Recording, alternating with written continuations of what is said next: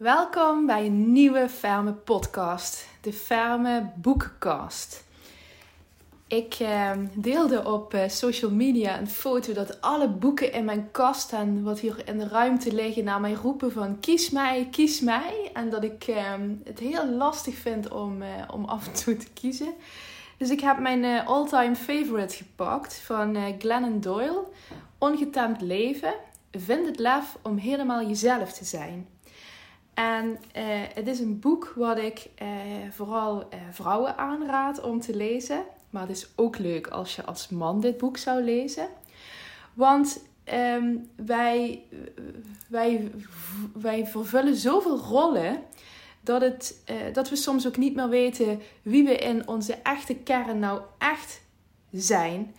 En eh, Glennon die deelt heel openhartig en compassievol, daar hou ik van, haar eigen verhaal.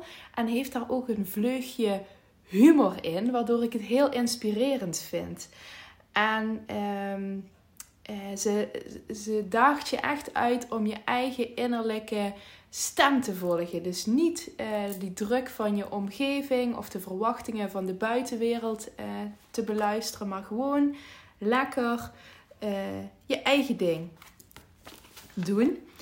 En ehm, nou had ik dus een stukje uitgezocht waarover ik eh, wilde voorlezen. En dat ben ik dus, ehm, mijn briefje is eruit gevallen. Het past ook wel weer typisch bij mij. Ehm, ja, ik, ik, hij valt hier open, dus ik ga eventjes, eh, eventjes doen. Dit is wat ik weet. Ouders houden van hun kinderen. Ik heb dat nooit anders gezien. Liefde is een rivier. Het kan gebeuren dat de stroom liefde geblokkeerd wordt door obstakels.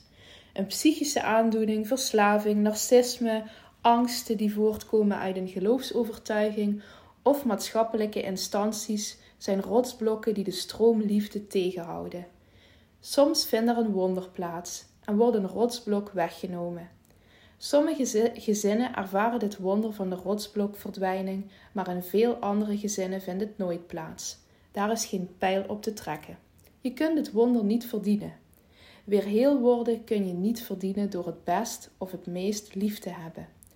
Als een ouder weer gezond wordt, begint haar kind weer liefde te ervaren. Als het rotsblok weg is, gaat het water weer stromen. Zo gaat het in een rivier. En zo gaat het met de liefde van een ouder. We zijn de rivier, niet het rotsblok. Tot hier.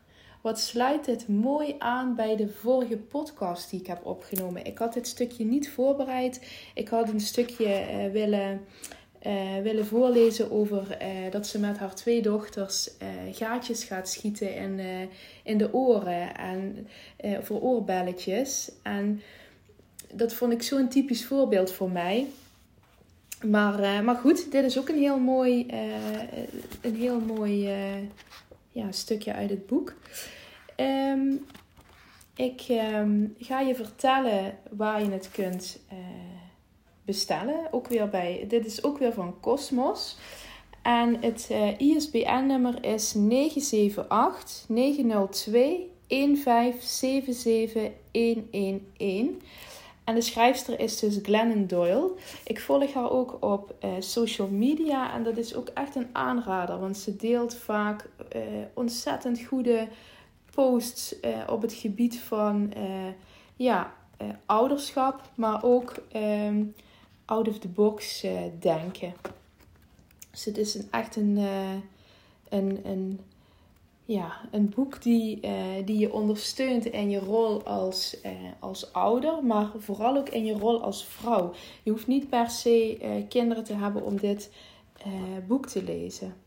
Dus dat is. ehm, eh, ik, ben, ik ben ondertussen ben ik nog even aan het kijken en heb ik dus het stukje gevonden, geloof ik. Ja, ik ga je nog een stukje eh, voorlezen over eh, het stukje van eh, de oorbellen, waarin ik zelf ook heel veel herken van mijn eigen kinderen.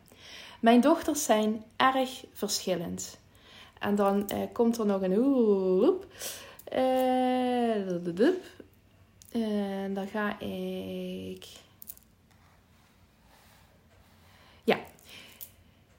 Jaren, jaren geleden, toen ik nog niet wist of ik mijn huwelijk nu wel of niet wilde beëindigen, smeekten de meiden me om gaatjes in hun oren. Ik was al lang blij met de afleiding en stemde in. Ik nam ze mee naar het winkelcentrum en toen we bij het oorbellenstandje zagen, rende Amma erop af. Ze sprong in de prikstoel en riep tegen de medewerkster van net in de twintig: Prik maar! Toen ik ook eindelijk bij de stand aan was gekomen, keek de medewerkster me aan en zei: Bent u haar moeder? Ik doe mijn best haar moeder te zijn, ja, zei ik. Oké dan. Wilt u dat we de gaatjes één voor één prikken of allebei tegelijk? En Amma zei: Allebei tegelijk. Doe maar, kom maar op. Ze zette zich schrap, klemde haar kiezen op elkaar en spande alle spieren aan, als een klein hulkje. De gaatjes werden geprikt en ik zag een paar tranen opkomen die ze meteen wegveegde. Ik keek Amma aan en dacht: wat een geweldig kind! Wel een kind dat binnen zes jaar met de politie in aanraking komt. Ze sprong uit de stoel, strak van de adrenaline. De dames van de oorbellenstand schoten in de lach en zeiden: Wat ben jij een dappere meid, zeg? Tish stond naast me en liet het allemaal op zich inwerken. Ze wenkte me dichterbij en fluisterde: Mam, ik ben van gedachten veranderd. Ik hoef vandaag geen gaatjes in mijn oren. Weet je het zeker? vroeg ik. Ze keek naar Amma's oorlellen, rood en gezwollen, als twee cherrytomaatjes. Emma zei: Tish, doe even normaal. Je leeft maar één keer. En Tish zei: Waarom zegt iedereen dat toch als ze op het punt staan iets engs te doen? Waarom zegt niemand: Je leeft maar één keer, dus kun je maar beter niet te vroeg doodgaan? Ze keek terug naar mij en zei: Ik weet het zeker. De gaatjes prikken richtten zich tot Tish. Jij bent lieverd. Ik wachtte tot Tish iets zou zeggen. Maar ze zei: Nee, dank u. Ik ben er vandaag niet klaar voor. De prikker zei: Oh, kom op, je kunt het. Doe eens dapper. Kijk nou hoe dapper je kleine zusje was. En Tish keek me aan. En terwijl we wegliepen, kneep ik in haar hand. Ze schaamde zich een beetje en ik ergerde me een boel.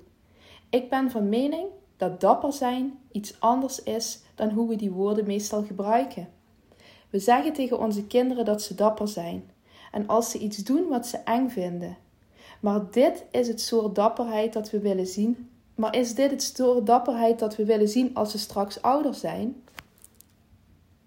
Denk daar maar eens over na. Dankjewel voor het luisteren. Dit was een stukje uit het boek Ongetemd leven van Glennon Doyle. Ik ben Nadine de Fesch van Bij Ferm. Tot de volgende.